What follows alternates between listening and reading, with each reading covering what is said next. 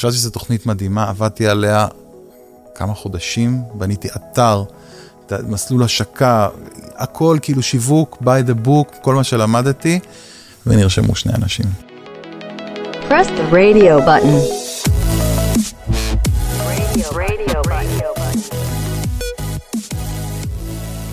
היי, hey, אתם על רדיו בטן. אני יהודית אשר. נמצא איתנו היום ברק דנין. אהלן. היי. מה קורה? בסדר, אני סופר מתרגשת שאתה כאן איתנו היום. אז תודה רבה שבאת. תענוג כולו שלי. אז uh, נדבר היום עם ברק על לידרשיפ, על מה זה להיות מנהיג. נדבר גם על, ה, על, על הכנסים שהוא מנהל, שכל שנה מחדש מרתקים אותנו. Uh, נדבר על הסטודיו, ש... הוא החליט לפרוש ממנו. אז אה, יאללה, הולך להיות מעניין. אה, אז רק לפני שנתחיל, אני רוצה להודות ל Google for Startup Campus, שמאפשרים לי להקליט במקום המהמם הזה, אה, שזה הבית של גוגל לסטארט-אפים. הקמפוס נותן לסטארט-אפים הזדמנות לקבל גישה למוצרי גוגל, חיבורים לתעשייה וידע, בנוסף לתוכניות ואירועים לסטארט-אפים. אנחנו נמצאים כרגע ב creator studio, אולפן וידאו ואודיו מקצועי שזמין לסטארט-אפים בחינם. לעוד מידע, ייכנסו לאתר שלהם. אז ברק, אני אתחיל בשאלה שאותי אישית הכי מעניינת. אוקיי. אמ, אני עוקבת אחריך הרבה מאוד זמן. בשנים האחרונות אתה פתאום אה, עשית מהפך. אתה עזבת את הסטודיו, שניהלת אותו במשך אה, קרוב לעשר שנים, וזה היה ה baby שלך. שפתחת אותו כשכל המושגים של חוויית משתמש היו פחות מוכרים כאן בארץ. איך אה, פתאום ככה קמת ועזבת? טוב, תראי, קודם כל, כמו שאת יכולה לתאר לעצמך, זה לא היה פתאום. בן אדם לא קם ה... ועוזב את מה שהוא הקים. או לפחות חלק ממה שהוא הקים, נדבר על זה עוד מעט, אה, פתאום משום מקום. זה היה תהליך, אה, תהליך של חיפוש עצמי, של אה, מה אני רוצה לעשות עם עצמי, מה, מה, איפה אני מביא הכי הרבה תועלת לעולם, ו, ומה הכי כיף לי לעשות. ובאיזשהו שלב הבנתי שלנהל סטודיו זה לא, ה, לא הדבר שעושה לי את זה, למרות שאני חייב להגיד שבאמת זה המקום עבודה הכי מדהים שהיה לי ever. אה, במיוחד בזכות הצוות שהיה ביוניק UI לכל אורך השנים, כל האנשים שהיו, זה היה פשוט אה, מתנה מאוד גדולה. אז, אז למרות זה ולמרות שהיה מאוד כיף בהרבה מאוד מובנים, החלטתי שכאילו סטודיו ל-UX ו-UI design, זה לא המקום שבו אני רוצה לצאת לפנסיה. ואז אין מה לעשות, חייבים לייצר שינוי. מה גרם לך להבין את זה? אתה עשר שנים כן עבדת שם. אה, כן, כן נהנית. תשע, כן. תשע, תשע שנים כן. עבדת שם. כן נהנית. אז מה פתאום, אה, שוב, זה לא פתאום, אבל כן. בכל אופן... תראה, אני באיזשהו, באיזשהו שלב אה, הסתכלתי על, אה, על מה אני עושה ביום-יום, וניסיתי לחשוב ממה אני נהנה יותר וממה אני נהנה פחות. אז מכל מה שקשור לעבודת הדיזיין והקונספט, העבודה עם הצוות, סופר נהניתי. אה, באמת, זה, אני בן אדם מאוד יצירתי, והמקומות האלה של לבוא ולחבר את כל הדברים שעלו מהמחקר ומהלקוח, ו, ולייצר מזה משהו חדש שכולם מתחברים אליו, זה אתגר מאוד מאוד גדול, לא תמיד הצלחתי בו, אבל, אה, אבל כשזה מצליח וזה עובד וכולם מתחברים, זו הרגשה מדהימה. אה, וגם כל העניין של לגדל צוות ולעזור לאנשים להתפתח, להתפתחות אישית בקריירה שלהם, וזה מסביב כל האנשים שעבדו איתי ביוניק, זה גם היה מדהים, וגם ליהנות, לעשות את המכירות היה כיף, אבל בסופו של דבר כל, ה, כל הסיפור הזה ביחד אמ, מייצר איזשהו עומס נאמר על החיים, שהרבה ממנו לא קשור לדברים האלה שמאוד נהניתי מלעשות אותם. עבודה מסביב לשעון מטורפת במשך uh, תשע שנים, שלא מתעשרים ממנה, אני חייב להגיד. זה, זה, היה לי איך לפרנס את המשפחה שלי, טפו טפו, הכל היה בסדר. אבל זה לא משהו שאתה, שאתה וואו, אתה עכשיו כאילו קונה איזה וילה בסביון, זה לא כזה. Mm-hmm. אז יכולתי להתקיים מזה, וגם יכולתי לקחת אה, לעצמי יותר ממה ש... אה, מהדברים שאני אוהב לעשות, אה, אבל זה לא היה מספיק. זאת אומרת, אה, בסופו של דבר, המסגרת של סטודיו, מה שלא תעשה, כשאתה עומד בראשו ומנהל אותו, אז יש לך מחויבויות שאתה חייב לעמוד בהן. ובאמת, זה היה כמעט כל התשע שנים האלה, פשוט עבודה מסביב לשעון, גם סופי שבוע. אה, לתוך הלילה, וגם כשהגיעו ילדים, וזה פשוט, זה היה too much. וואו. too much, וגם השוק זז. אה, אז אה, ככה הכל התחבר ביחד לזה שאני צריך לצאת משם. זה מדהים, צריך בשביל זה הרבה תעוזה ל... להישאר בסוף נאמן לרצונות האישיים שלך. וואו, זה היה מפחיד מאוד, אני חייב להגיד. אבל בדיעבד אני מאוד שמח שעשיתי את זה. הסטודיו, הסטודיו ממשיך. אמ, העולם לא נפל כשיצאתי משם לפני חצי שנה. זה, זה הפתיע אותי. איזה לא בגלל עצוב שאני זה, לא סומך איזה על עצוב האנשים, זה, כן, מה, אפשר. בלעדיי, איזה באסה. אה, לא, סתם, השארתי את הסטודיו בידיים מאוד טובות, ואני אני מאוד שמח על זה. אמ, וגם נשארתי עם אה, אה, בעצם חצי מה... לא, זה לא... כספית זה לא חצי, אבל כאילו, אה, מבחינת הזמן שזה תפס, אה, זה היה די הרבה, הכנסים אה, בעצם נשארו אצלי, ואני ממשיך, ממשיך לקיים אותם. אז, אז עם baby אחד שלי נשארתי, שאני מאוד אוהב אותו. נדבר עליו עוד בהמשך, בהמשך. השיחה שלנו, כן. אז מה עכשיו אתה בחצי הזמן הפנוי שלך מבלה, מטייל, נהנה מהחיים?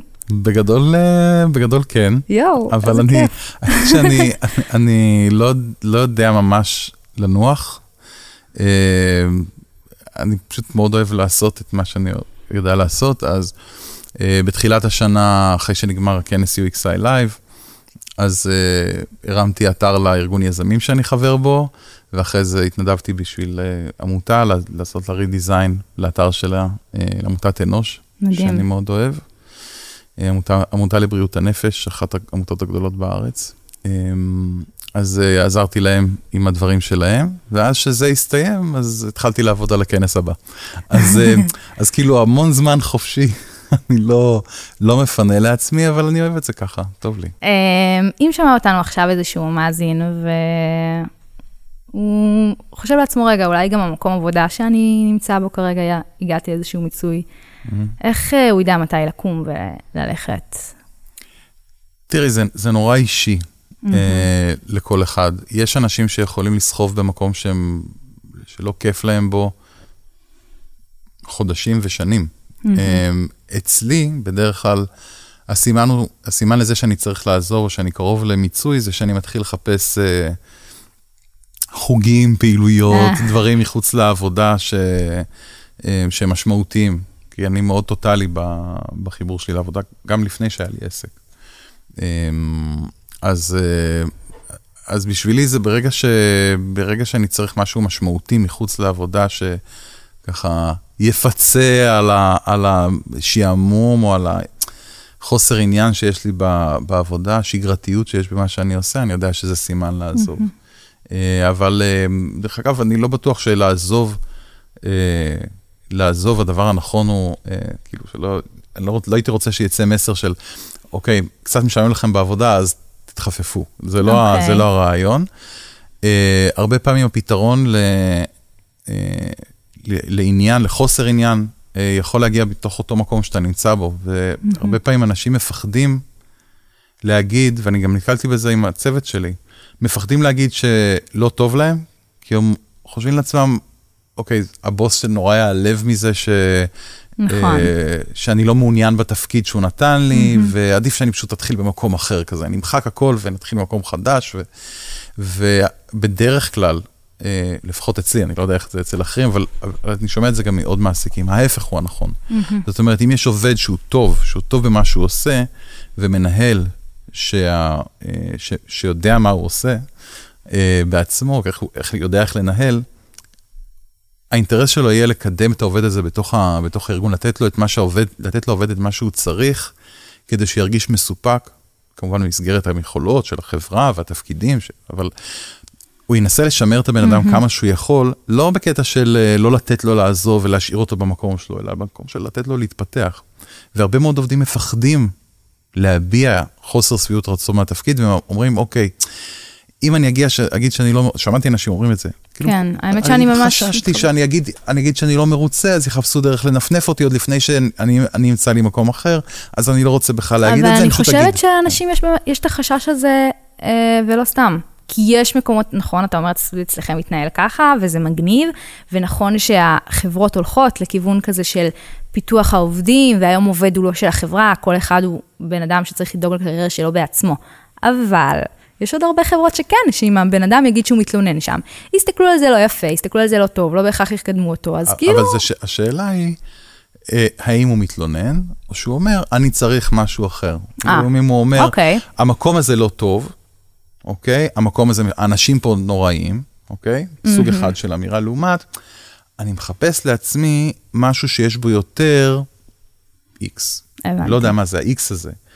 גם, גם צריך איזשהו אומץ כדי לבוא ולהגיד, להסתכל על עצמך במראה ולהגיד, אוקיי, מה לי חסר? Mm-hmm. מה אני צריך כן. באמת? כי זה באמת הרבה יותר קל להתפטר, ללכת למקום נכון. אחר. מה הבעיה? הבעיה היא שאתה מביא את עצמך כאן למקום החדש.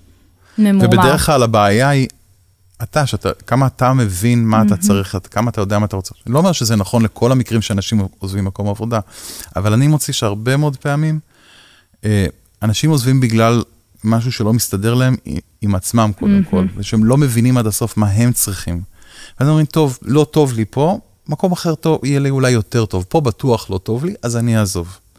אה, ואני חושב שאם, עוד פעם, צריך מהצד השני את הבן אדם הנכון, אם יש מישהו, איזה בוס נקמן כזה, שרק אה, מחפש איך אה, להתנקם באנשים שחושבים על בכלל לעזוב, וואלה, במקום כזה לא הייתי חושף את הרגשות שלי mm-hmm. כל כך מהר, כן. כן, אני חושבת באמת, כמו שאמרת, זה הרבה עניין של קונטקסט, של איך להגיד את הדברים. נכון. שאפשר תמיד, כל דבר, אפשר להגיד בצורה שכן, אולי באמת אפשר, אפשר לקדם אתכם במקום שאתם נמצאים בו. נכון. ואת יודעת, עובדים שלי שבאו אליי עם דברים שהם אמרו, אני אה, אני צריך X, אוקיי? אמרתי להם, טוב, את זה באמת אני לא יכול לתת לך, אבל בוא אני אעזור לך למצוא את המקום הכי טוב בשבילך עכשיו, כי אני מבין שזה מה שאתה... מדהים, אני מבין שזה מה שאתה רוצה עכשיו, כי אני מבין שאם בן אדם רוצה משהו שאני לא יכול לתת לו, אין לי מה להחזיק אותו בכוח, מה, אני אציע לו עוד כסף? הוא מחפס לעשות משהו אחר עם החיים שלו. יפה, אוקיי? מהמם. והם תמיד היו נורא מופתעים. כן, כאילו. נכון, כי זה מדהים, כי זה מדהים. אה, בוא נחזור אליך.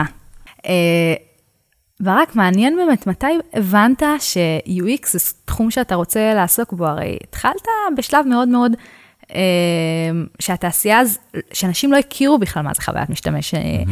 אני אפילו אספר על עצמי שכשאני נחשפתי לראשונה לסרטונים שלך, שהם היו כזה על ספה חומה עם עציץ אה, בצד, זה מה שאני זוכרת. וישבתי... חומה או ירוקה? לא זוכר כבר, תלוי אם זה היה כן. לא יודעת. כן. שמונה שנים, משהו כן, כזה. כן, הרבה זמן. אמ, ואני זוכרת את עצמי יושבת וכאילו מתפעלת ואומרת, וואו, איך כאילו לא ידעתי עד עכשיו על חוויית משתמש, איך לא חשבתי עד עכשיו אה, מוכוון משתמש. אה, אז בעצם אתה עוד, התחלת עוד הרבה לפני אותם סרטונים שאני, שאני ראיתי, כשהתעשייה הייתה, אנשים לא הכירו את הצמד מילים. אז אה, מתי הכל התחיל בעצם? האמת שזה סיפור נורא מצחיק. אה, ב-2001 אה, היה את הפיצוץ של הדוט קום. אני הייתי אחרי כמה שנים של, אה, לא יודע, 4-5 שנים שפיתחתי UI, והייתי מפתח UI. והתחלתי לעבוד כמפתח UI בצבא באיזו יחידה, ב outsource. לא הייתי חייל, הייתי בדרגה הכי גבוהה כן. בצה"ל, אזרח. והייתה אצלנו יועצת, אה, אישה מדהימה בשם איילה וייס, שהייתה אז פמ"ם, אחרי זה SCP, אחרי זה נהיה אמן UI, היא עדיין שם. אה, והיא עשתה לנו את ה design של, ה, אה, של המערכת, שאני הייתי אחראי לפתח אותה, יחד עם הצוות שלי והראש צוות. אמרתי, וואי, זה ממש מדליק מה שהיא עושה, כאילו לא היה אז מקצוע UX, לא היה, היא הייתה יועצת UI כזאת. לא יודע מה היה הטייטל הרשמי, אבל זה, ככה הכירו לנו אותה. ואמרתי לבוס שלי, אמרתי לו, תשמע, זה נראה לי ממש מדליק הדבר הזה, כאילו, איך אני, איך אני ניגש בכלל להתעסק בתחום הזה? לא הכרתי אותו בכלל. אז זה נראה לי נורא מעניין, הוא אמר לי, ברק, עזוב, כאילו, זה dead end. מה, אז אוקיי, אז נהיית יועץ UI. ומה אחרי זה? מה, תהיה כאילו ראש צוות ייעוץ UI? כמה כאלה יש בארץ? זה לא, עזוב אותך. אם אתה מפתח, אתה נהיה ראש צוות, אחרי זה ראש מדור, ראש תחום, המסלול שלך פתוח כאילו למעלה, לצדדים, לאן שאתה רוצה. עזוב אותך, תשאר בפיתוח. ואני הקשבתי לו.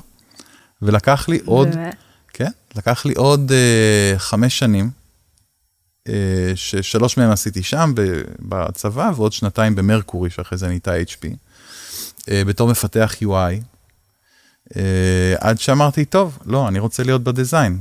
והצטרפתי לסטארט-אפ ששם הייתי ה designer הראשון. לא קראו לזה designer, קראו לזה application engineer, כי הם לא ידעו מה לעשות designer פה בחברה.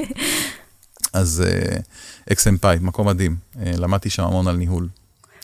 אז אז כן, אני, את יודעת, עוד פעם, אפרופו המוטיב החוזר של דלתות מסתובבות, אה, מה אם הייתי הולך אחרי זה אז? אולי לא הייתי מקים את UXI, אולי הייתי נהיה שכיר בפמ"ם SCP. אולי גם ה... התעשייה לא הייתה אז מוכנה לשינוי שהכנסת, והיית מנסה נכון, ולא היה מצליח. נכון, גם יכול להיות, אז... כאילו, אני חושבת על עצמי שיש מצב שהייתי ממליצה לך את אותה המלצה של המנהל שלך, כי זה באמת. היה נשמע כאילו, אז מה, מה זה UI? יכול להיות, יכול להיות. אז... Uh, אז בדיעבד אני חושב שברוח כל הדברים שאמרתי עד עכשיו, אני צריך להודות לו, כן? להודות לו שהוא הזיז אותי משם, והגעתי לשם במקום שהיה נכון לי. Uh, יש לך קהילה של uh, עוקבים, uh, יצרת את המותג שלך, כמו, ש... כמו שאמרתי, הם רוצים לדעת מה, מה קורה איתך. לאן אתה מתכנן, מה הצעדים שאתה מתכנן לעצמך הלאה? איפה אתה רואה את הקהילה שלך mm-hmm. בעוד חמש שנים? איפה אתה רואה את כל התחום של החוויית משתמש בעוד חמש, עשר שנים? אז תראי, אני, אני, אני חושב שהתחום עובר שינוי. אה, זו שיחה גדולה בפני עצמה, אבל אני חושב שבבסיס אה, קורים, קורים כמה דברים מאוד, אה, מאוד חשובים. אחד, כל, ה, כל העבודה של UX ו-UI שנעשתה במשך הרבה מאוד שנים מחוץ לארגונים, כולנו רואים את זה, עוברת פנימה לתוך הארגונים. כן. הרבה יותר אנשים עוברים הכשרה, הרבה יותר ארגונים רוצים להכניס אנשים פנימה. הרבה מנהלים לא מוצאים מי, את מי להכניס פנימה, מתקשים למצוא את האנשים הטובים, אבל זה עניין של עד שאנשים יצברו, יותר אנשים יצברו ניסיון בתעשייה, ו, וזה יזרום יותר טוב. אה, אתה רומז מקרה, כאן, יש פה... אתה רומז שהשכר ירד? אמ, אני לא רואה את זה קורה. זאת אומרת, okay. אוקיי. בינתיים אני לא רואה את זה קורה, כי מה שקורה זה שעדיין השוק, בגד... במהלך של גדילה, שוק העבודה למי שמתעסק ב-UX ו-UI, או product design, הוא רק הולך וגדל, כי יותר ויותר ארגונים מבינים שהם צריכים את זה in-house. אנחנו עדיין לא הגענו לרוויה, מה גם שיש הרבה מאוד סטארט-אפים כל הזמן, אז עדיין, זה, זה, זה עדיין מאוד גדל, ועדיין יש מחסור מאוד גדול באנשים טובים. אז, אה, ו, ואני חבר בזה קבוצת מנהלים בוואטסאפ, וכולם מדברים על זה שזה, שבאמת קשה למצוא אנשים שהם מאוד טובים, ולכן אני חושב שהשכר לאנשים שהם מקצועיים ועם ניסיון, אני חושב שהוא בכיוון לרדת. טוב, אבל, תירגעו, תירגעו, אנחנו כן, עדיין נשאר עם משכורות טובות. המשכורות, דרך אגב, הרבה יותר גבוהות אם אנחנו מדברים על, על, על דיזיינרים, וזה כולם רואים, לא, מי שהוא לא רק ב visual, אלא גם כן, ב-UX דיזיין. כן, שהוא product designer. שהוא product designer. שזה ו... המטרה של הפודקאסט, להפוך את כולם ל product designers. אחלה. טוב, זה נראה גם שגם גם בלי, גם לפני הפודקאסט, אה, אחוז מאוד, בסקר שכר האחרון, פשוט כמעט לא נשארו UI designers, וכמעט כולם הפכו, כל ה-UI designers, או אותו אחוז שהיו UI designers קודם, הפך להיות product designers. Mm-hmm. אז, אמ, השאלה אז כמה השינוי ברורה. הוא, כן, המגמה היא ברורה, השאלה כמה באמת השינוי בחשיבה השתנה מ-UI ל product. כן, אז זו שאלה שצריך לשאול את מי שמעסיק את, כן. ה, את כל האנשים האלה, אני לא יודע. בתור מגייסת אני רואה שיש עוד פער עצום. אה, יכול, יכול מאוד להיות. זה כן. הגיוני סך הכל, כי אם מישהו עשה קורס של טוב ככל שיהיה, של כמה חודשים, אה, והתנסה חצי שנה אולי במקום עבודה שלו קצת, כשנתנו לו כמה פירורים של עבודת אפיון, זה עדיין לא הופך אותו ל-UX designer מומחה. גם אם הוא רושם uh, בקורות חיים שלו שהוא כן, עשה product design. גם product זה גם יותר, זה לא רק ה-UX, זה בעצם להבין את ה product. כן. נכון, נכון, יש לזה הרבה אספקטים. אה, אז, אז אתה אז, רואה... אז אני אומר שיש יש, יש כמה דברים שקורים בשוק. אז אמרנו שיותר ויותר אנשים נהיים product designers, יותר ויותר אנשים עושים product design ו-UX design בתוך הארגונים, ולא מחברות ייעוץ או חברות, אה, כן, אה, חברות כמו יוניק UI וכן הלאה. אמ, ועניין נוסף זה שבאופן טבעי, בגלל שהצוותים בתוך הארגונים גדלים, אז יש הרבה יותר uh, ענייני לידרשיפ. אה, פתאום נהיו UX managers, product design כן. managers, מה שלא היה designers. בעבר, lead designers, אה, יש בארגונים בארצות הברית אה, VP design, גם בארץ יש את ה... אה, יש VP Designers. יש את אה, עודד בביוף שהיה כאן לפני שבוע בסימילר ווב, ואבירן רווח יהיה כאן אה, בסולוטו. מסולוטו, כן. כן, נכון. אז זה, זה קיים, זה, זה, זה הולך וגדל, ואז אני חושב שאחד מהדברים המעניינים ש, שקורים זה שכל העניין הזה של לידרשיפ בתחום הדיזיין, אה, זה תחום שגדל וזה תחום שמאוד מעניין אותי. לידרשיפ בכלל, ובמיוחד בתחום ה design, ה-UX design, product design, אה, תחום שמאוד מעניין אותי ואני חושב אז לעסוק אנחנו בו. נדבר, אנחנו נדבר בהמשך באמת על leadership, מהמם. כי אתה באמת דוגמה ל leadership. אה, אני רוצה קצת לדבר על הכנסים, על הכנסים שהקמת, על ה-UXI. שמה שמדהים ב-UXI, שאנשים כבר התחילו להגדיר את המקצוע שלהם, שאני מעצב UXI, כי זה כן, איזשהו... זה קצת מצחיק. אני חושב שאני אני אחד ממעצבי ה-UXI היחידים בעולם, ואיתי עוד האנשים שהקימו איתי את UXI. אין- דבר כזה מעצב UXI, אבל? כן, זה, זה פשוט כל כך הכנסת את המושג הזה של אה, UXI בזכות הכנסים שלך, אה, ואני באמת רוצה לדבר איתך על זה, כי הכנסים שלך היו מקפצה אה, בקריירה להרבה מאוד אנשים. אפשר לקחת לדוגמה את כנרת יפרח, שהתחילה, מ... שהיא הייתה קודם בתחום, ובעצם דרך הכנס שלך. הכירו אותה ממש הרבה, וגם עדי בינדר, ויש עוד הרבה מאוד דוגמאות כאלה. אמ, איך אתה מזהה את האנשים האלה? איך אתה יודע להגיד, אוקיי, יש כאן פוטנציאל טוב, אני רוצה את ה... אותה, אותו בכנס שלי. אה, תראי, קודם כל, אני לא עושה את זה לבד. אה, אני נמצא לכל אורך השנים ב-UXI עם גרעין אה, שרובו המשיך כל השנים יחד איתי בלבחון את ההצעות להרצאות בכנס, אה, ואנחנו יושבים ביחד, חושבים, מצביעים, הצבעה דמוקרטית, אה, מי חושב שאיזה רעיון יותר טוב, אחרי שאנחנו מסננים חלק, אז אנחנו כבר אומרים, אוקיי, זה, אה, אלה הסיבוב השני, כאילו להצביע, בואו.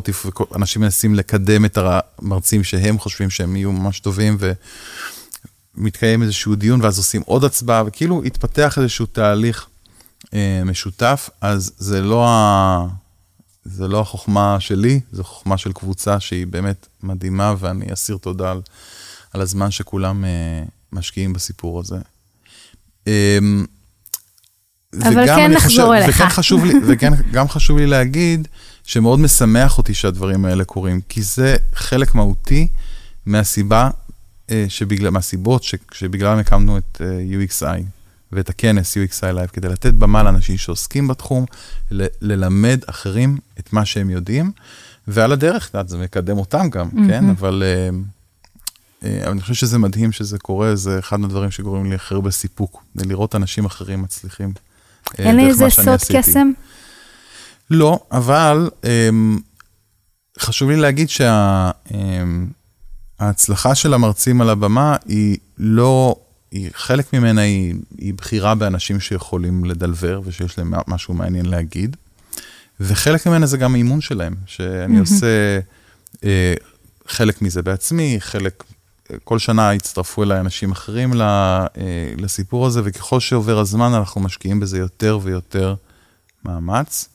Uh, והתוצאה של זה היא מאוד ברורה, גם שביעות הרצון עולה מהכנס כל שנה, uh, וגם, שהעיקר של הכנס הוא התכנים בעיניי, וגם ה- הטווח של הדירוג שכל אחד מהמרצים מקבל במשובים אחרי, הצטמצם. אם פעם הכי נמוך היה, לא יודע מה, 2 uh, מתוך 5, והכי גבוה היה 4.5 או 4.8 מתוך 5, אז עכשיו הטווח הוא בין שלוש וחצי לארבע וחצי בערך, משהו כזה. זאת אומרת, הרוב נמצא. שם, אפילו בטווח יותר קטן, כמעט כל ההרצאות, למעט אולי איזה אחת בהתחלה. אחת, אחת פחות מוצלחת ואחת אחת מאוד מוצלחת, אז כולם בטווח מאוד מצומצם. אה, אני חושבת שגם הרבה אנשים מגיעים לכנס בשביל המינגלינג וה... לגמרי. לגמרי. תראי, כל התעשייה מגיעה, אה, רוב התעשייה, אגיד כל, אבל אה, כל שנה המספרים עולים. בשנה האחרונה היינו, בשנתיים האחרונות היינו בערך- אלף איש. יפה. אמ, אז כן, זה מקום לפגוש חברים, לפגוש חברים חדשים, גם דרך הכנס, גם בסדנאות שמסביב. אתה עושה משהו בשביל לקדם באמת את המינגלינג בתוך הכנס, את זה שבן אדם, כי יש את הקטע, את המבוכה הזאת שאנשים להגיע למישהו חדש וליצור את הקשר הראשוני. כן. תראי, זו התלבטות כל שנה בכלל במה להשקיע את הזמן בכנס. אמ, ניסינו לאורך השנים כל מיני דברים. אה, נגיד, הייתה שנה אחת שנתנו לאנשים לצייר את עצמם mm, על ה tag שם. אמ, ואז משהו שמייצר שיחה, או לשים מדבקות, אני מחפש עבודה, אני מחפש עובדים, אני אוהב design, אני mm-hmm. אוהב, לא יודע, טכנולוגיה, whatever. הייתה שנה שעשינו קלפים, אה, שאתה מקבל כאילו 20 אה, קלפים אותו דבר, אבל יש קלפים שונים, משחק רביעיות כזה, ואתה צריך לעשות החלפות עם אנשים אחרים. Uh, עשינו סשנים של שולחנות uh, עגולים כאלה, של אנשים, כאילו במקום הרצאה, במקביל להרצאה, אנשים באים לשולחן עגול, ואז בשולחן הזה מדברים, בהפסקת צהריים. אנחנו כל פעם מנסים לעשות דברים. אתם משקיעים בזה. משקיעים בזה מחשבה. אני לא יכול להגיד שפיצחנו את הקוד mm-hmm. בעניין הזה, אנחנו כל שנה מנסים uh, משהו אחר. Uh, בסופו של דבר, יש התלבטות מאוד גדולה כמארגן כנס. Uh, איפה אתה שם את הזמן. ונגיד סתם, להביא איזה מרצה, איזה, איזה סטנדאפ, אה, סטנדאפיסט, שיבוא ויריץ דחקות על UX וזה, סטנדאפיסט טוב. לעומת עוד הרצאה מעניינת על איזה case study בחברה שוואו, אני אסתכל על זה ווואו, אני לוקח את זה ליום יום שלי, אז מה, מה יותר חשוב לעשות בכנס? להתאוורר קצת אחרי האוכל, או... אז גם mingling, גם networking, זה משהו שצריך להשקיע בו זמן מתוך הכנס. ואני נוטה לשים אה, את הפוקוס יותר על תוכן, mm-hmm. כי אני חושב שזה מה שנותן ערך אה, אה, יותר גבוה, ו mingling. מי שרוצה באמת לעשות mingling טוב, אז אה, פשוט בא לסדנאות, mm-hmm. ואז שם יש לך יום שלם עם אנשים סביב לשולחן, ומדברים וזה. אמ, אז ברק, נחזור קצת לדבר עליך. אה, בכל אופן, ב... בהסתכלות שלי עליך, אתה, אם אנחנו מדברים על מנהיגות, אתה, זה ממש שם נרדף שלך. Uh, הקמת דברים, ניהלת צוותים. Uh, איזה תכונות יש בך שאתה חושב שגרמו לך באמת להיות מנהיג? אז אני לא הבנתי את זה כשהתחלתי לגייס אנשים, וגם לא כשהייתי מנהל שכיר בחברות תוכנה, בפיתוח. אבל בדיעבד, כשאני יצאתי מיוניק UI ועם כל השיחות שעשיתי עם אנשים ש... אה, כשעזבתי שם, הבנתי שבעצם אחד הדברים שאני הכי נהנה מהם, אה, זה לעזור לאנשים להתפתח ולגדול. ובעצם, גם כשאני מסתכל אחורה, כמה דברים שאמרתי לך קודם על אנשים שרצו לעזוב, זה בעצם הבסיס של כל, ה... אה, כל ההחלטות שלי וכל ההתנהגות שלי היה, אוקיי, זה המוטיבציה העיקרית שלי, אני רוצה שאנשים איתי יגיעו למקום טוב יותר. בגלל זה גם, אפילו שהיינו סטודיו קטן של חמישה אנשים, עשינו שיחות משוב, וקבענו יעדים, ופשוט כי אני חושב שאין אין באמת סיבה אחרת שאנחנו אנחנו מגיעים בגלל לעבודה. אנחנו מגיעים, בסופו של דבר, כן, אנחנו צריכים כסף, אבל אם אנחנו לא מתפתחים, אין משמעות, אין, אין סיבה. ובאמת, זה אולי הדבר הכי שעומד, צריך לעמוד לפחות, זה בעיניי בבסיס אה, של מה אתה עושה עם רוב שעות היום שלך, שיש לך משמעות, ואתה גדל מתוך זה. אז אם אני לידר, אה, אני חושב שאני צריך להיות זה שמאפשר לזה לקרות, וזה אומר המון דברים, כן, על מסלולי אה, קידום, ועל להקשיב לאנשים שנמצאים ומה הם צריכים, ולשמור עליהם מפני אנשים אחרים בתוך הארגון, או מפני לקוחות, אם זה בסטודיו, כמו, ש, כמו שאני הייתי, היו מקרים לא מעט. אה, לדאוג ל-well-being של, של האנשים שאיתי. אה, ואני פשוט למדתי שאני מאוד מאוד מאוד אוהב את החלק, את החלק הזה בעשייה. אני בטוחה שיש כאלה שחושבים, מה, להיות לידרשיפ זה כנראה להיות בן אדם קשוח, שיודע לריב עם כולם, ויודע לעמוד את שלו, ולהיות סופר אסרטיבי, וסופר לא מתחשב, ו... ומה שאתה מציג עכשיו זה ההפך לגמרי, זה נשמע הכי מתחשב, הכי להיות שם בשביל העובדים, אה, לא מתנשא. תראי, זה, זה, יש חלקים שונים בתפקיד הזה, ש... וגם זה נורא תלוי בסוג הארגון שנמצאים בו. אני יצרתי ארגון אה, אה, מאוד אה, שקוף, ש... ששם את העובדים שלו במרכז, מתוך הבנה שזה המשאב הכי חשוב שיש לחברה יותר מכל דבר אחר, זה אנשים, וצריך לגרום להם להישאר כמה שיותר זמן. זה לא אומר שהם, אה, שצריך לתת להם לגיטימציה ל... אה, לנצל את הארגון, או אה, לנצל את המשאבים שלו, ומה שאני מצאתי, ש, שכשפועלים בצורה כזאת, ולא בצורה סמכותנית והיררכית, מגייסים את האנשים הרבה יותר, הם פשוט mm-hmm. אוהבים את מקום העבודה, זה עובד בשביל כולם, זה עובד בשביל העסק, זה עובד בשביל העובדים. יש מקומות שמנהיג כזה נתפס בו כחלש, אוקיי? Okay? Mm-hmm. כי, כי אם הארגון, זאת לא רוח המפקד של הארגון, mm-hmm. אז uh, מישהו, מנהיג כזה שהוא כאילו רך במרכאות, או uh, כאילו מאוד אמפתי לעובדים שלו, נתפס כ- כמנהיג חלש. אז לא בכל מקום זה יכול לעבוד. אני הייתי מחפש להיות מנהיג במקומות שמחפשים את השקיפות, את ההתפתחות של העובד בצורה הכי אמיתית, לא במין משהו כזה תועלתני של, אוקיי, נגיד לעובדים שאנחנו רוצים את טובתם, ואז הם ירצו להישאר פה. לא, משהו שהוא באמת כאילו בעמוד השדרה, ב-DNA של הארגון. אז אם שומעת אותנו עכשיו איזושהי מאזינה או מאזין, שהם באופי שלהם קצת יותר מתחשבים, עדינים, אם הם יכולים להיות leaders? אני חושב שכן. עוד פעם, זה נורא תלוי בארגון שנמצאים בו. אה, גם גוף של design הוא באופן טבעי ו product. אני מוצא גופים כאלה הרבה יותר, לפחות בחברות אה, חברות מוצר, כן? בהייטק, מה שנקרא. אז אה, אלה אנשים מאוד נוחים, נעימים, בדרך כלל, כן? יש לא כל הארגונים כאלה, אז אני חושב שלגמרי כן. זה... אתה לא צריך להיות אה, אה, זכר אלפא או אישה אלפא, נקבה אלפא, אני לא יודע מה נכון להגיד. כאילו, אתה לא צריך להיות התוקפני שנועץ את השיניים ב, בכל מי שמסביב כדי, אה, כדי להיות מוביל. אה, אני חושב שהרבה פעמים ההפך הוא הנכון, אפשר להשיג תוצאות הרבה יותר טובות מיצירת שיתוף פעולה, מלהבין את הצרכים של האנשים מסביב, ועם אינטליגנציה רגשית גבוהה, אה, לייצר מארג כזה שהוא טוב בשביל כולם. מדהים. זה לא קל. מדהים, באמת זה מדהים איך העולם קצת, אה, הסוג מנהל של פעם אה, הפך להיות מנהיג, וקצת אה, אנשים מתחילים להבין שאפשר להתנהג אחרת, לא רק בצעקות ובצורה של ניהול מאוד אה, נוקשת.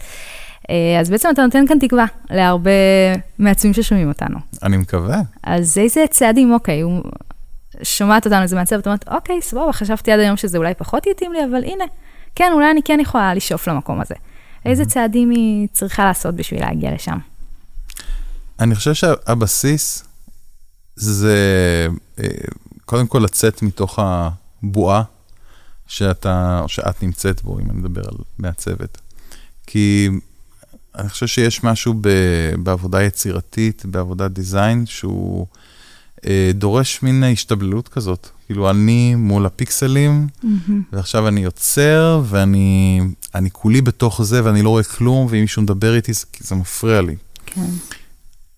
צריך בדיוק ההפך. זאת אומרת, צריך להרים אנטנות, צריך להקשיב למה קורה מסביב, וצריך לרצות לעשות את זה. אמ, צריך להבין מה הארגון צריך, מה המנהל שלי צריך. אמ, מנהלים במובן הזה הם לא שונים מאף בן אדם אחר. אני חושב שהרבה מאוד אנשים תופסים, כאילו באופן מאוד טבעי, סליחה על הפסיכולוגיה בגרוש, שמים את המנהל בתפקיד של אבא ואימא, אמ, וכאילו אבא ואימא אפשר לעשות להם הכל והם עדיין יאהבו אותנו, וזה לא ככה, זאת אומרת, mm-hmm. גם אבא ואימא, וגם מנהלים, ברגע שעברת גיל מסוים אתה מבין את זה, הם אנשים. כן. וכמו כאנשים הם, הם באופן טבעי נמשכים להיות ו, אה, ולתמוך באנשים שמבינים אותם, שמקשיבים להם, ש, ואני לא מדבר עכשיו להתחנף או משהו, אלא פשוט להבין מה הצורך של הבן אדם שנמצא מולי, ולעזור לו, לעזור לו לקדם את מה שהוא צריך, ואם אני עוזר לו, הוא רוצה גם לעזור לי במה שאני צריך. אמ, אז זה נכון גם לגבי המנהל שלך, וזה נכון גם לגבי אנשים בצוות שלך. אם אתה נרתם למה שהם צריכים, אם אתה נרתם למטרה הגדולה של הארגונים, אתה בכלל שואל שאלות על mm-hmm. מה הארגון שלי צריך, מה האסטרטגיה של הקבוצה שלנו, של המוצר שלנו? איך אני יכול בתפקיד שלי, איך אני יכולה בתפקיד שלי לקדם את האג'נדה של המוצר, אוקיי? ומתוך הבנה לשאול שאלות. רגע, אני, מבין ש... אני מבינה שהאסטרטגיה שלנו ברבעון הבא היא כזה וכזה, אבל בכל זאת אנחנו עושים את הדבר הזה. למה? אני רוצה להבין את קבלת ההחלטות, אוקיי? לצאת מהמקום הזה של, אוקיי, הנה המשימות שצריך ל... של מה שצריך לעצב, לשאול שאלות, לפתוח, ראש. להקשיב. אלה ה... אני חושב שזה ה... זה הלב של הסיפור הזה. אז זה בעצם להתחיל כבר במקום שאתם עכשיו ביום-יום שלכם, כבר להתחיל ב... לפתח את התכונות של מנהיג. ואם אני כבר נמצאת במקום כזה שאני כן חושבת שאני כבר חושבת על הארגון ומצליחה לעצב, אני product designer, אבל כן מצליחה לחשוב מעבר. Mm-hmm. ואני רוצה להתקדם לתפקיד שהוא כבר לידר בהגדרה שלו. לדבר עם המנהל, לדבר עם המנהלת, okay. אוקיי. לדבר עם ה-HR, אני לא יודע, כל ארגון כאילו מתנהל קצת אחרת, mm-hmm. אז אני לא, אה, לא רוצה להגיד מה בדיוק, עם מי בדיוק צריך לדבר, אבל זה לגמרי משהו להרים ב, או ב-review, או ל, ליזום שיחה כזאת. באופן כללי, אני חושב שרוב המנהלים מעריכים יוזמה mm-hmm. של עובדים, כי רוב האנשים לא יוזמים. Okay? רוב האנשים הם לא, לא יזמים באופי שלהם, uh, סטטיסטית. אז, uh, אז ש, לבוא וליזום ולהגיד, רגע, אני, אני, רוצה, אני רוצה לדבר איתך על, ה, על התפקיד שלי ועל איך אני מתקדמת, בואי נעשה איזה ארוחת צהריים. יפה. אוקיי? בוא נשב על איזה קפה בבוקר ככה בשקט לפני שהיום מתחיל, לא אכפת לי איפה, תגידי מתי את רוצה, איפה את רוצה, נשב. לבוא למנהלת ול, ופשוט לשבת איתה. ו, ואני חושב שמשם יכולה להתפתח שיחה שהיא פרודוקטיבית. אה, ואם אני כבר מנהלת צוות, אבל אני רוצה כבר... נגיד. אה, נגיד. אה, ואני קצת אשתף עוד מעט גם על עצמי, מה, מה אצלי בעיקר השתנה מהכיוון הזה של מעצבת למנהלת, אבל, אבל אני מרגישה שאני רוצה להיות במקום של באמת ממנהלת למנהיגה, למנהיגות, לקצת מעבר לצורת ניהול של פעם. פנימה לתוך הצוות יש, יש דברים שאני חושב שכל אה, לידר צריך להבין, וזה אה, שאולי הכי חשוב בהם, זה שהכוח שלו מגיע מ, מלהבין את הצורך של האחרים ב-recognition. אוקיי? אני חושב שיש מעט מאוד דברים שהם יותר חזקים מלתת לאנשים recognition על, על ההישגים שלהם, על המאמץ mm-hmm. שלהם, וזה לא משנה באיזה פוזיציה הם נמצאים, נמצאים מעליך, מתחתיך, לצדך. אמ, אני רוצה להוסיף על זה באמת אה, משהו, כי אני חושבת שבאמת השינוי שאני הרגשתי על עצמי בשינוי של התפקיד, mm-hmm. זה באמת אולי קצת להכיר את עצמך יותר ולהבין בעצם מה התכונות שלך ועד כמה אתה מצליח להתחשב בש... בשני, או לנסות להבין מה אני יכולה באופי שלי כבן אדם, mm-hmm. עוד לפני המקום הזה של לנהל צוות, mm-hmm. כבן אדם, איך אני יכולה להפוך להיות בן אדם טוב יותר, וממילא גם בצוות להתייחס יפה יותר לעובדים, mm-hmm. או להיות שם תמיד בשבילם, mm-hmm. וגם... um, כל מיני טכניקות אחרות, כמו איך להיות מאוד פוליטיקאית uh, בתוך כן. כל הדבר הזה. כן, אז זה יותר החוצה, כן? Mm-hmm, מול הצוות. כן. לא הייתי רוצה להיות מנהיג שהוא פוליטיקאי, כן? כן. כאילו, אנשים ישר מזהים את החלקלקות כזאת, זו תקשורת שהיא יותר אסטרטגית ופחות כנה. אמ, אפרופו העניין הזה של כנות, אני חושב שלדעת, להיות מסוגל להכיר בטעויות אמ, של עצמך מול, מול הצוות שלך, mm-hmm. זה אחד הדברים הכי חשובים מול האנשים נכון. שעובדים איתך. אמ, כי רק בן אדם שיש לו הרבה מאוד כוח, יכול לבוא ולהגיד, אוקיי, טעיתי. Mm-hmm. לגמרי. עוד עניין אה, שהוא מאוד רעיל, אה, ו, ואני הייתי ממליץ להימנע ממנו, זה אה, כשקורה משהו, שמתפקשש משהו, לחפש אשמים. הרבה פעמים אנשים עושים כאילו ועדות חקירה כאלה, של להגיד, אוקיי, זה לא הצליח, בואו נבין למה זה לא הצליח. זה בסדר לעשות, להבין למה זה לא הצליח, אבל כשאני עושה את זה, אני בדרך כלל, אני, אני מקדים ואומר, אני לא, לא אכפת לי מי פיקשש פה. כן חשוב לי להבין איך אנחנו מזהים את הסיטואציה שהיינו בה עכשיו, בפעם הבאה, כדי שלא נעשה את אותה טעות כצוות. אבל לא מעניין אותי מי אמר למה, למה, זה בכלל לא חשוב. אז הסיבה היחידה שמשהו כזה יכול לעניין אותנו, זה אם אנחנו יכולים ללמוד מזה איך לא לעשות את הדבר הזה בפעם הבאה. וזהו, אני לא הולך להעניש אף אחד, אני לא... בואו נדבר על זה. ואם באמת יש איזושהי טעות שחוזרת על עצמה אצל מישהו בצוות, וצריך להעיר על זה, כי אין לא. זה ברור שצריך להעיר. אז איך עושים את זה בצורה של מנהיג? קודם כל, לא מול האנשים האחרים. אוקיי. כן, בוודאי שאם יש משהו שמזהים אותו כבעייתי, אז תופסים את הבן אדם לשיחה, יושבים איתו, ואני חושב גם, אני, אני מוצא שאנשים בתחום הזה של דיזיין, אולי אנשים שאני גייסתי, אני לא יודע, מאוד רגישים, ומאוד מאוד פגיעים. ברגע שיש איזושהי ביקורת, לוקחים את זה נורא נורא קשה, כי בדרך כלל אנשים שבאים לתחום הזה, הם מאוד ביקורתיים, בעיקר כלפי עצמם. אה, אחרת לא מגיעים לאיזושהי שלמות בתוצרים. זה כל הזמן, כל הזמן להסתכל, איפה אני לא בסדר. אה, אז נורא נורא חשוב לה, להקדים ולהגיד, אני לא בא ל... אני לא חושב שאתה... הסיבה שאני עושה איתך את השיחה הזאת עכשיו, זה כי אני רוצה שאת, שאתה תתקדם. אני רוצה שאתה, שתהיה יותר טוב במה שאתה עושה. ואני רוצה שזה יקרה פה, אני לא רוצה שזה יקרה במקום הבא שאתה עושה, אני רוצה שזה יקרה פה.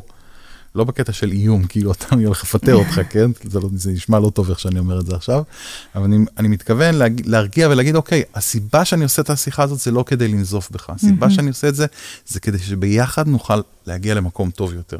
יפה. וזה הרבה פעמים פותח, אמ, כשבן אדם לא מרגיש מותקף, אז הוא יכול להסתכל פנימה ולראות, אוקיי, איפה לא היה טוב.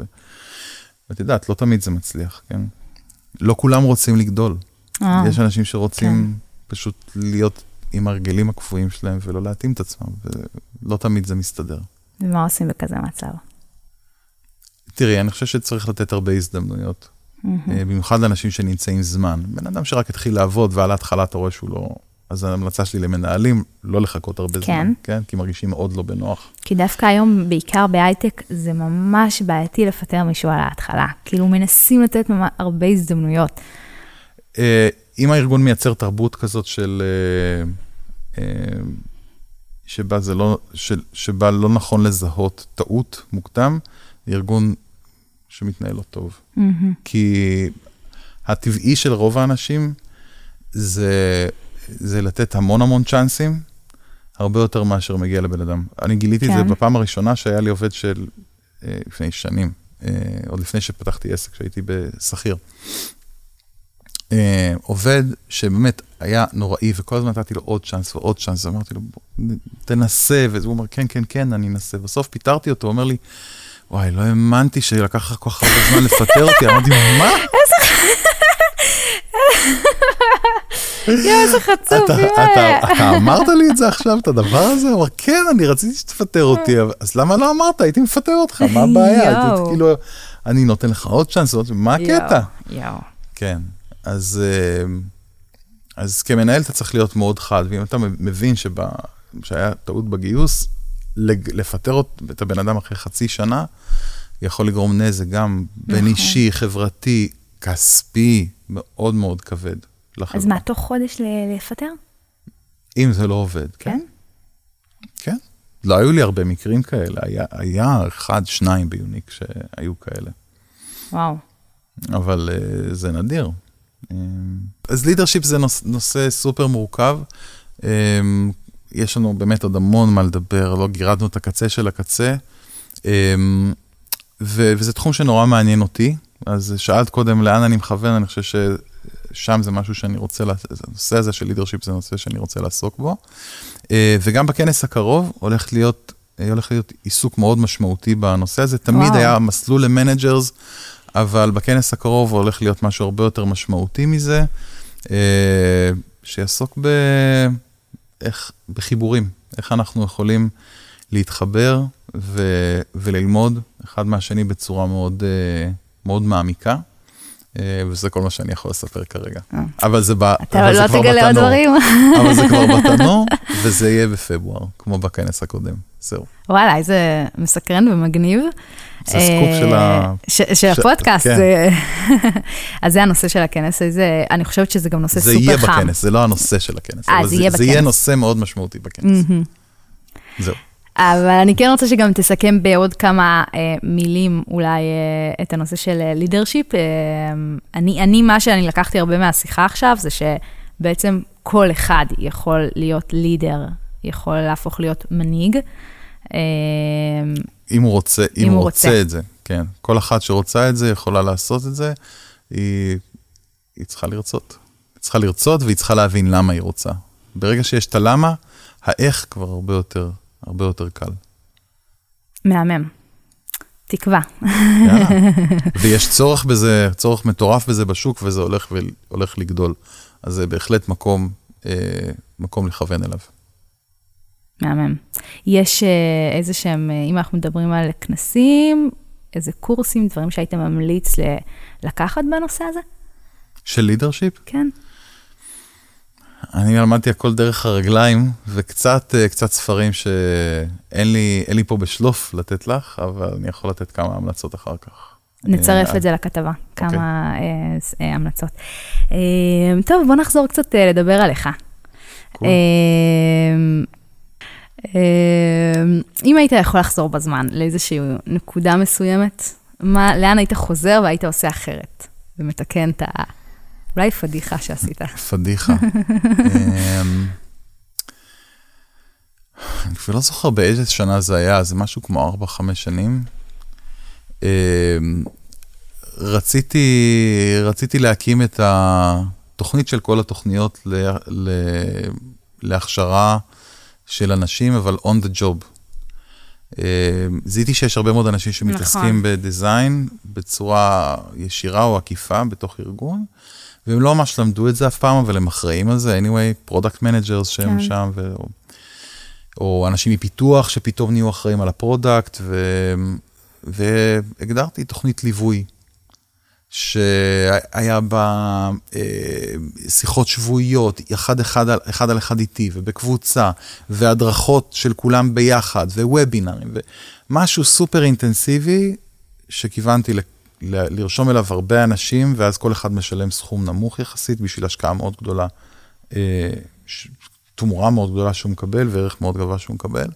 וחשבתי שזו תוכנית מדהימה, עבדתי עליה כמה חודשים, בניתי אתר. מסלול השקה, הכל כאילו שיווק, by the book, כל מה שלמדתי, ונרשמו שני אנשים. יואו, יואו. כן, זה היה פלופ מטורף. ו... ומה עשית לא נכון? ואני חושב שהשיעור היה uh, uh, eat my own dog food, uh, במובן הזה של, uh, אני, אני מתעסק במחקר אה, ולהבין את, ה, את ה product market fit כל הזמן. ועשיתי מחקר לקראת הדבר הזה, אבל, אבל לא עשיתי אותו כמו שצריך, ולא עשיתי פיילוט כמו שצריך, ופשוט בניתי את זה לא נכון. בנ... ניסיתי בבת אחת לייצר משהו וואו. שלא היה קיים בשוק, אה, שהצורך עליו היה אצלי בראש, אבל אצל הקהל, עוד הקהל לא הבין שהוא צריך את זה, ונפלתי עליהם כאילו עם עשרה טון ואומרים, מה, מה, אנחנו צריכים קורס של כזה חצי יום, וזהו, כאילו, אנחנו נסתדר. אנחנו יודעים מה אנחנו עושים. אצלי בראש הם לא ידעו מה הם עושים. מה הם עושים. אה, אולי היה בזה איזושהי יהירות, אני לא יודע, אה, במבט לאחור. אה, אבל למדתי מזה, למדתי מזה, ואני לא, אני לא אעשה כזה עוד פעם, כנראה. אם היית חוזר בזמן, מה היית עושה אחרת? יש לך משהו ש... אני לא, אני לא חושב, אני לא מאמין כל כך ב... בחרטות. אוקיי. Okay. דלתות מסתובבות כזה, וזה לא, זה לא ה... לטובת מי שצעיר מדי בשביל לזכור את הסרט, אז תלכו לראות, ואז תחזרו לפודקאסט. אמ, אני מרגיש זקן, סליחה, זה היה עליי עכשיו. אמ, אורן לא לרן. בקיצור, אז אה, אני לא כל כך מאמין בחרטה, אני מאמין בללמוד. אז uh, אני, אני לא חושב שהייתי משנה משהו, הייתי צריך את השיעור הזה כדי לעשות דברים יותר טוב אחר כך. איזה סיפור של uh, הצלחה, נקודת הצלחה כזאת בקריירה שאמרת לעצמך, וואו, הכל היה שווה בשביל הנקודה הזאת, הרגע הזה. Um, אני חושב ש... קודם כל, הכנס הראשון היה מנקודת הצלחה כזאת אה, שלא דמיינתי לי אותה. זה היה ממש בתחילת הדרך, זה היה במאי 2010. זה היה די מזמן, אבל הכנס הראשון, שהיה בתשלום, בשפיים, באו 460 ומשהו איש. וואו. אה, באולם היה מקום ל-470 ומשהו. כאילו, האולם היה מפוצץ, מכרתי את כל הכיסאות. אה, ועשיתי הכל לבד. זאת אומרת, אף אחד לא עזר לי, פשוט בניתי את כל הכנס לבד, למעט הייעוץ קצת של החבר'ה שליוו אותי בהקמה של UXI, אבל כל התפעול, החשבוניות, הכל, הכל. הגעתי אחרי שלוש שעות שינה עם... אמרתי שאני לא שותה קפה, אבל, אבל בבוקר ההוא שתיתי שלוש כוסות אספרסו, כי אמרתי, אני ארדם על הבמה אם אני לא, והייתי כל היום, לא רואים את זה בפודקאסט, אבל הייתי עם ידיים רועדות. פשוט אה, פיזית, אה, לא, הגוף שלי לא ידע מה לעשות עם כל הקפאין הזה, פשוט אה, פרפרתי, כן, פרפרתי בין, בין האולמות, ועל הבמה הייתי כזה בהיפר. אה, אבל לעמוד על הבמה מול 460 איש, כשהלב שלי דופק, הרגליים שלי משקשקות, זה היה אה, מדהים. אה, ורגע אחר שהיה אה, מאוד מרגש, וגם עצוב, בכנס של 2016, אה, זה היה הכנס הראשון אחרי שאבא שלי נפטר. ופתחתי את הכנס ב...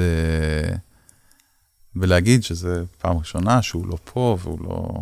אה, הוא לא בא, הוא בא לכל הכנסים. מדהים. לא ויתר על אף כנס, ישב מדהים. בשורה הראשונה עם אימא שלי, וכנס הזה פעם, פעם ראשונה אימא שלי הייתה לבד, פעם ראשונה שבכיתי מול 900 איש.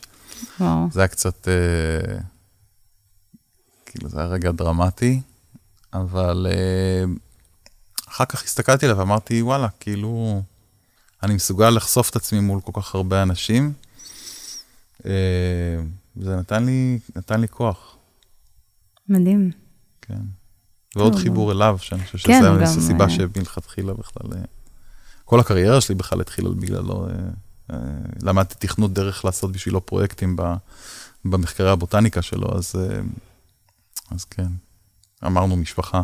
כן, מחוברים למשפחה, בסדר, גם אה, גאה בך, היה שם אה, וגאה בך ב... כן. בהמשך של היצירה. כן. אה, יפה. אז ברק, משפט אחרון לסיום.